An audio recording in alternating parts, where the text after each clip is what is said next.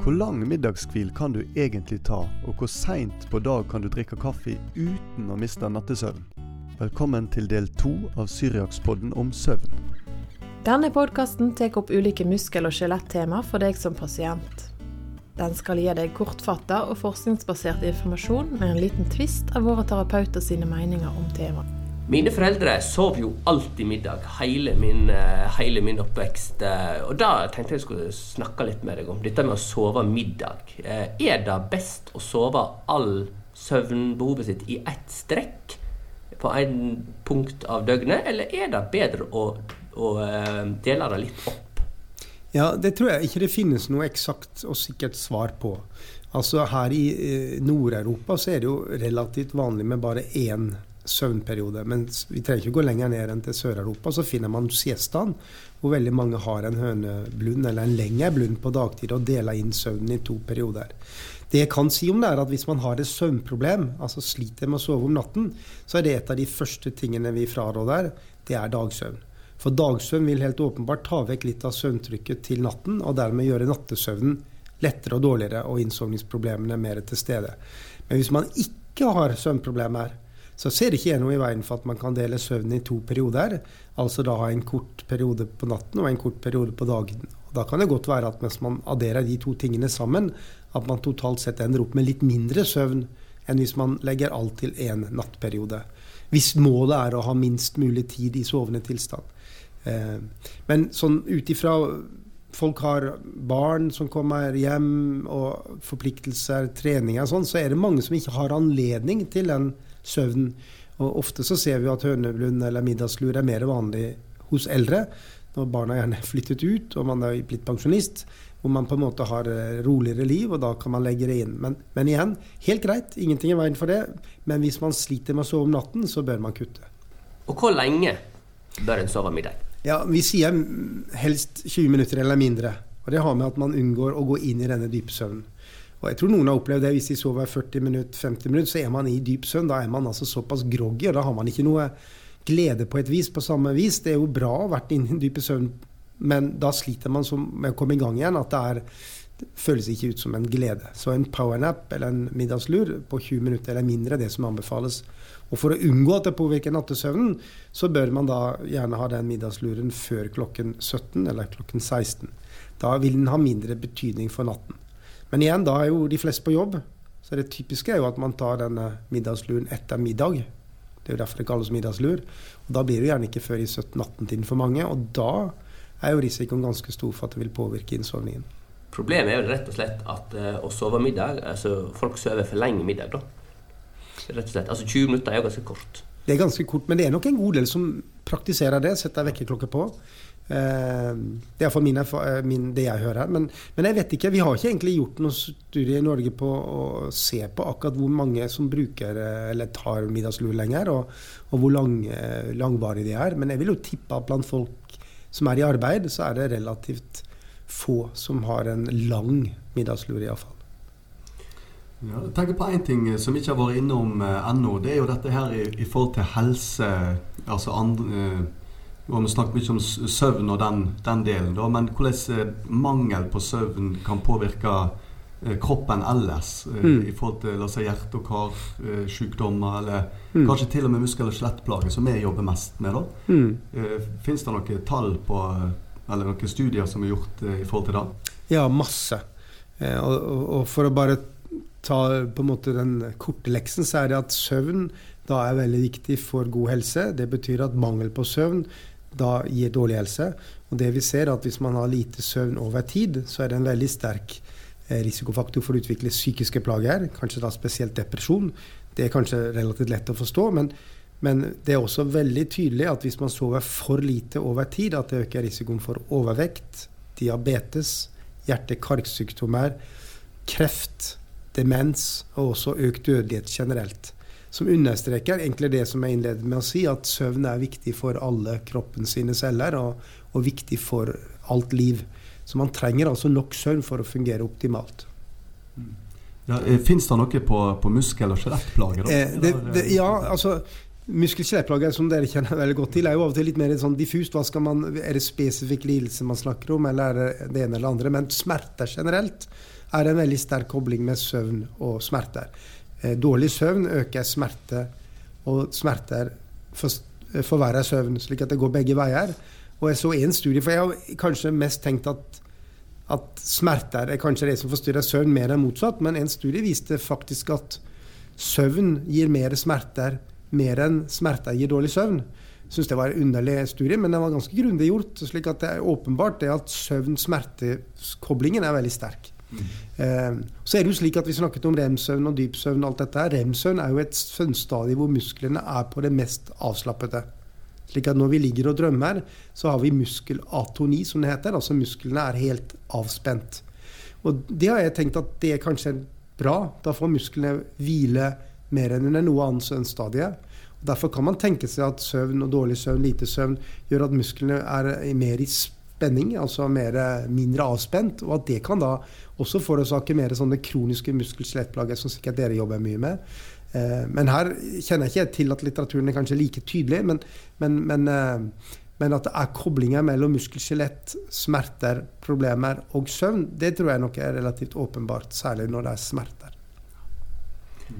Eh, dette med trening, da. Kan en, kan, en, kan en, trene seg fysisk sliten sånn at en sover bedre? Eh, eh, kortsvaret på det er vel egentlig nei. Eh, det er veldig viktig å, være, å mosjonere og trene, og man tenker at det kan gi bedre kvalitet på søvn, altså mer dyp søvn. Studien på det er ikke veldig imponerende. Men det er likevel veldig viktig å være aktiv, trene og god form med tanke på god søvnhygiene. Derfor ligger det inne blant disse søvnhygienerådene. Men hvis du først har fått en alvorlig insomni, altså en søvnlidelse, så kan man veldig sjelden bruke trening til å bli kurert. Men trening er veldig bra likevel, men det er ikke det som er hovedfokuset i, trening, i, i behandlingen på et vis. Eh, et lite unntak er kanskje hvis det er noe depressivt, så er det jo vist at depresjon eh, og trening altså trening kan være positivt, særlig for lette og moderate depresjoner. Og, og hvis man blir bedre humør, så sover man ofte bedre. Slik at vi anbefaler jo trening, men ikke som på en måte alenebehandling til de som har et søvnproblem. Jeg spilte squash på tirsdag for to dager siden. Og uh, jeg spilte squash klokka, begynte klokka halv ni, og timen var ferdig kvart over ni. Jeg fikk ikke sove før klokka var halv ett. Nei, og det, det er jo den andre siden ved trening. Man blir jo aktivert. Det er klart at det er ikke lett å sove når man trener, det sier seg selv, men også etter en trening så er man gjerne full av adrenalin og også en del slagstoffer som skal på en måte bearbeides og fjernes. Slik at å trene seint på kvelden vil jo virke mot søvn, altså ikke gi bedre søvn. Så det må uansett være noen timer før ja, hvor, nærmere altså, Si at du vil legge deg klokka 11. Mm. Når er siste frist for å avslutte treningen? Ja, Der er det veldig store individuelle forskjeller. Jeg hadde en pasient en gang. Han, han kunne ikke trene til klokken 16. Da fikk ikke han sove. Men ellers så tenker vi at hvis det er en tre timers tid, så bør det gå bra. Men jeg husker selv, jeg hadde, vi hadde fotballtrening på, fra 10 til 11 om kvelden. Det var jo eneste tiden man fikk halvplass. Og da fikk jeg vel jeg sove. Altså, jo, du blir jo så giret. Du løper rundt etter den ballen, og så Kommer du hjem og skal prøve å sove, så er jo hjernen kjempepåskrudd og våken. slik at det er åpenbart at jo seinere treningen er, før, altså nærmere sengetid, jo verre er det. Eh, men at det bør gå et par-tre timer, det er nok det som anbefales da. Rett og slett ut ifra at det virker aktiverende. Så trening er bra, men på rett tid. Sånn er det jo med mye annet òg. Altså, koffein er jo helt greit å bruke tidlig på dagen, men ikke om kvelden når man skal sove. Eh, da virker det jo mot sin hensikt. Ja, Hvor nærme vil du si innsovning at eh, du bør ta siste kaffekoppen? Hvis man har et søvnproblem, så sier vi ingen koffein etter klokken 17. Men så har vi jo pasienter eller ikke-pasienter, altså folk med god søvn, som kan drikke en kaffekopp rett før de legger seg uten problem. Så folk er igjen veldig forskjellige i hva de tolererer. Men har man et søvnproblem, så er jo det å drikke kaffe eller koffein i det hele tatt etter klokken 17 ikke så god, ingen god idé.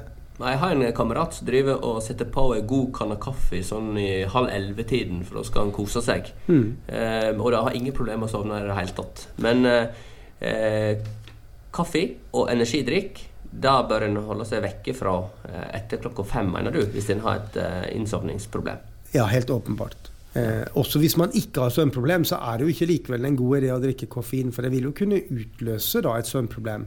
Men så er det altså de som tåler det veldig godt eh, og som antageligvis har kjempegod sovehjerte. Så uansett hva du egentlig gjør med dem, så sovner de jo. De kan nesten sove stående. Så det er jo veldig forskjell fra person til person, men det er likevel blant disse søvnhygienerådene veldig klart at koffein kommer høyt på den listen på noe man skal unngå om kvelden. Og, og selv om du ikke har et innsovningsproblem og sover godt, så sover du kanskje litt lettere likevel? Ja, det, det er et studie på det som viser at du subjektivt kanskje ikke opplevde noe forskjell, men søvnkvaliteten var dårligere. Altså du har mindre av denne dype søvnen. Men det er ikke gitt at det vil gi noen merkbar påvirkning av deg hvis du er likevel en som sover veldig dypt og godt. Men, men, det er ikke noe god idé å drikke koffein om kvelden uansett. Og, og hva med mat, da? Da å ja, ete et tungt, stort måltid eh, før en legger seg, eh, spiller det noe Det har vel vært sagt å ikke være så bra for fordøyelsen, kanskje. Mm. Men, men, men, om det påvirker søvnen, gjør det? Ja, det gjør det. Altså, det er litt det samme som eh, med altså den moderasjonen. Altså, du skal ikke legge deg sulten. Da vil på en måte kroppen bli aktivert fordi det vil bli en sultrespons. Og hvis du er veldig mett, eh, så vil på en måte alt blod gå ned i magen og prosessere maten, og så vil det også forstyrre søvnen. Så legge seg passe mett er det som er, er rådet, og ingen god idé med et tungt måltid seint på kvelden. Så denne her eh, kulturen med å gå ut og ete middag sånn i halv ni-tiden, åtte-tiden på kvelden altså, Da eter du middagsmåltidet ditt. Det er egentlig en dårlig idé, da. Ja, det er jo koselig, da. Ja, det er koselig. Det er det. og så tar man gjerne et glass vin til, så, så, blir det liksom en sånn titrering her. Men eh, nei, altså, man må jo få lov til å gjøre det innimellom. Men, men det er vel en grunn til at middagsmåltidet er tidligere på dagen sånn generelt sett. Og så blir det disse unntakene som krydrer tilværelsen og, og gjør at vi på en måte syns at det er verdt å leve. Det hadde vært kjedelig om vi gjorde akkurat det samme hver eneste dag. Eh, så jeg syns det er helt greit å ta en, en middag av og til, men, men for søvnens del så er nok ikke det kanskje det beste rådet, nei. Og så handler det kanskje litt om eh, på en måte velvære og da få roa ned og stresse ned. At det har mye med hvor, hvor eh, aktivt en jobber med, med tanker og sånt òg. At mm. du gjerne slapper bedre av når du har et godt måltid. Ja, altså, eller hele roen rundt. Altså, nå er det jo ofte slik at man har de seine måltidene i helgene når man da har fri neste dag. Så man på en måte kanskje ikke legger seg rett etter det måltidet heller. Man sitter gjerne oppe litt lenger. slik at ja, Det er mange ting som spiller inn her, men, men jeg tror ikke vi skal liksom helt overdrive alt heller. Altså, noen avvik av og til, og litt dårligere søvn en natt i ny og ne er også helt normalt. Altså, det ville være rart om mange gikk gjennom et helt liv uten en eneste dårlig natt. Jeg har ennå ikke møtt noen som aldri har opplevd en dårlig natt. Eh, de må jo være skrudd sammen litt rart da, på et vis, må de ikke det? Hvem er alkohol og søvn? Ja, Alkohol har den effekten at den kan gi dypere søvn i begynnelsen og, det, og raskere innsovning, men så gir det mer urolig søvn siste halvdel. Så totalt sett så har man ikke noe positiv effekt. Nå snakker vi om alkohol av og til. Eh, drikker man alkohol hver dag, så vil jo eh, problemet bli eh, helt annerledes. Da vil jo effekten man opplevde gjerne i begynnelsen forsvinne helt, og så blir man alkoholiker og har mange andre problemer. Men, men, en sporadisk bruk av alkohol er det jo noen som opplever at det letter innsovning, at man føler søvnen er ok. Men, men, totalt sett så er ikke kvaliteten så god, fordi siste halvdel gjerne er forbundet med mye oppvåkninger. og Gjerne kortvarige, men, men, dårligere kvalitet. Så totalt sett så er ikke det noe vi anbefaler. Jeg har et, eh, et sånt uh, powernap-triks som vi kan kalle for Edgars powernap. Nå skal jeg høre hva du Bjørn, syns om det.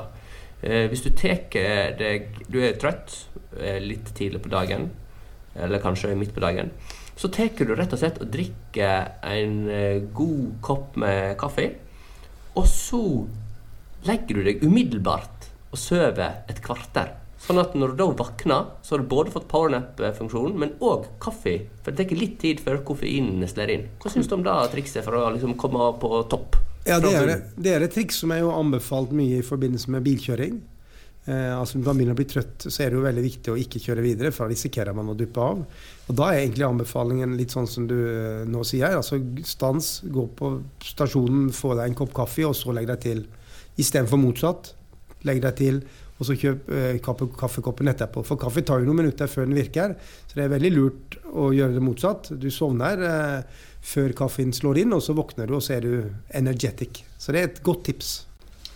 En ting jeg har lyst til å spørre deg om òg, det er jo da eh, Det er jo en del pasienter vi møter Edgar, som, som, har eh, slitt litt med urolige bein, da, eller restless legs, eh, på nattestid. og har problemer med, med soving, eller innsovning i forhold til det. Eh, og ja, har du litt eh, å si rundt det? Ja, absolutt. Nå har vi akkurat publisert en artikkel nå i Legetidsskriftet bare forrige uke på det. forekomst av det. Og Da er det viktig å skille på hva vi snakker om. Er det restless legs-lidelsen? Og Hvis det er det, den lidelsen som jeg la tenke på når du sier ordet restless legs, så er det en nevrologisk lidelse der forstyrrelsen sitter i hjernen. Og hvis de plagene er relativt store og også forstyrrer søvnen, så behandler vi det medikamentelt med svært god effekt. Så der finnes det veldig effektive medisiner. Så det kan man ikke behandle vekk på, på, på noe annet vis, eller snakke seg vekk fra det, eller massere seg vekk. Dette er en lidelse som sitter i, i nervene eller i hjernen. Eh, men hvis det er mer annen type urolige bein, som noen bruker restless legs for å bare beskrive muskulære ting, kanskje vaskulære ting, eh, så kan nok mosjon, trening og massasje være aktuelt. Men hvis det er restless legs-lidelsen, så, eh, ja, så er det en hjernelidelse, nevrologisk lidelse, med, med spesifikk behandling. Ja, og, og, det er en type behandling som det behandler ved søvnsenteret? Ja, ja. ja, ja, ja. Mm.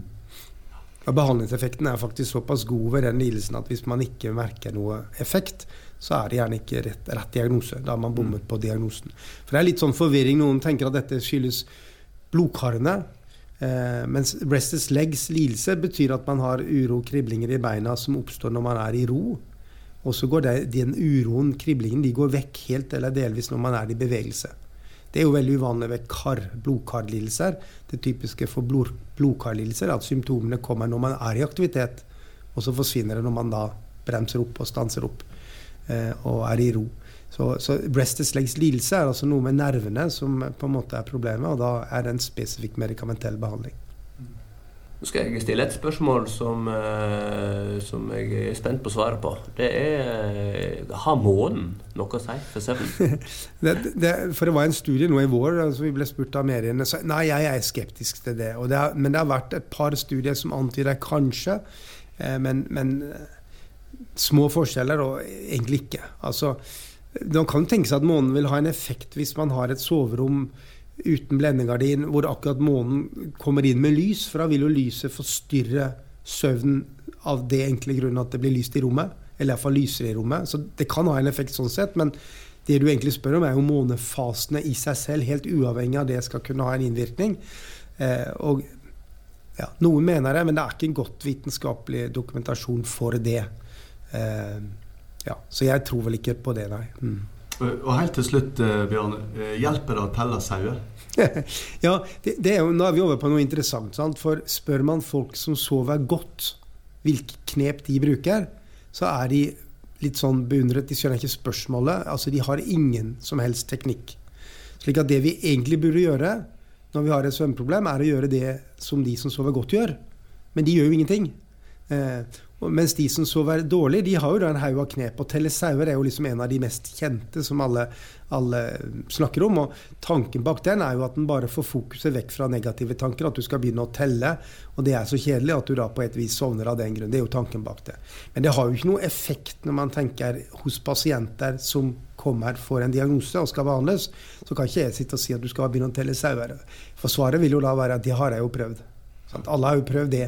Slik at det interessante er jo at alle pasientene har gjerne prøvd en haug av metoder eh, uten noen særlig suksess. Og kanskje den metoden som fungerer best, er å unngå metode. Unngå noe. Og noe av den behandlingen som virkelig har dokumentert effekt, som kalles kognitiv eh, atferdsterapi for insomni, som, som, er jo det vi jobber, jobber med på Bergen Sønnsenter, det er jo en behandling som på et vis eh, fokuserer på ikke man skal ligge i sengen når man ikke sover. Eh, og Bakgrunnen for det er jo at når man ligger i sengen og har negative tanker, så etablerer man etter hvert en, en, en sånn fiendskap til, til, sengen. At man får en negativ kobling mellom seng og søvn. Og Da er det mye bedre å stå opp igjen, bryte mønsteret, og ikke være i sengen unntatt når du sover. Det er liksom en av de sentrale bitene. Eh, slik at rådet er å unngå å prøve. Jo mer man prøver på å sove, jo verre blir det jo. Og det har jo alle gjerne erfart hvis man legger seg ned en kveld og prøver å sette ny innsovningsrekord sovne raskere enn noen gang, så vil alle bruke litt lengre tid enn noen gang. Så målet med å få sove er å ikke prøve på det. Da er det mye lettere å få det til enn å prøve på det. Fins det folk som ikke sover i det hele tatt? Nei. Nei det, går ikke. Nei. det er bare sånn på film? Det er folk som hevder det.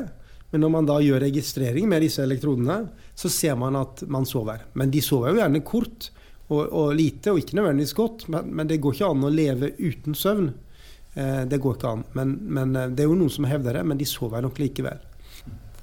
Ja, og må bare nevne Dag, Du har jo skrevet i alle fall eh, ei bok, vet jeg. Eh, sånn selvhjelpsbok. sant? Jeg tenker på Hvis det er noen som trenger litt mer info og ønsker å gå litt dypere inn enn det vi rekker å komme i dag, da, så eh, har du skrevet ei bok som heter 'Bedre søvn'? sant? Ja. Mm. Den kom akkurat ut i ny utgave. slik at den, Det er en selvhjelpsbok for de som har insomni. Mm. Eh, så jeg har også skrevet en selvhjelpsbok for de som jobber skiftarbeid, nattarbeid, som går mer spesifikt på den problemstillingen, som er jo en annen problemstilling. De sover jo gjerne greit når de ikke jobber skift. Så det er liksom mer en døgnrytmeproblemstilling. Så, så, eh, men er det insomni, som er kanskje den vanligste søvnlidelsen, så er den bedre søvnboken den som er anbefalt. Mm. Du eh, Bjørn eh, Bjorvatn, det var utrolig interessant å høre på deg. Eh, vanligvis så pleier vi å oppsummere, men her blir det rett og slett for mye. altså. Eh, vi kan vel konkludere med at de som sover godt, de har ikke peiling på hvorfor de sover godt, og hva de gjør rett. Mens de som ikke sover godt, de er sultefòra på eh, råd om hva de skal gjøre. Vi har gått gjennom en del her i dag eh, som, som, går på søvnhygiene og og på eh, søvnrestitusjon, hva du kaller det da. Mm -hmm. eh, og um, vi må vel rett og slett bare konkludere med at søvn er veldig, veldig vanskelig og stort tema, men det er helt livsviktig.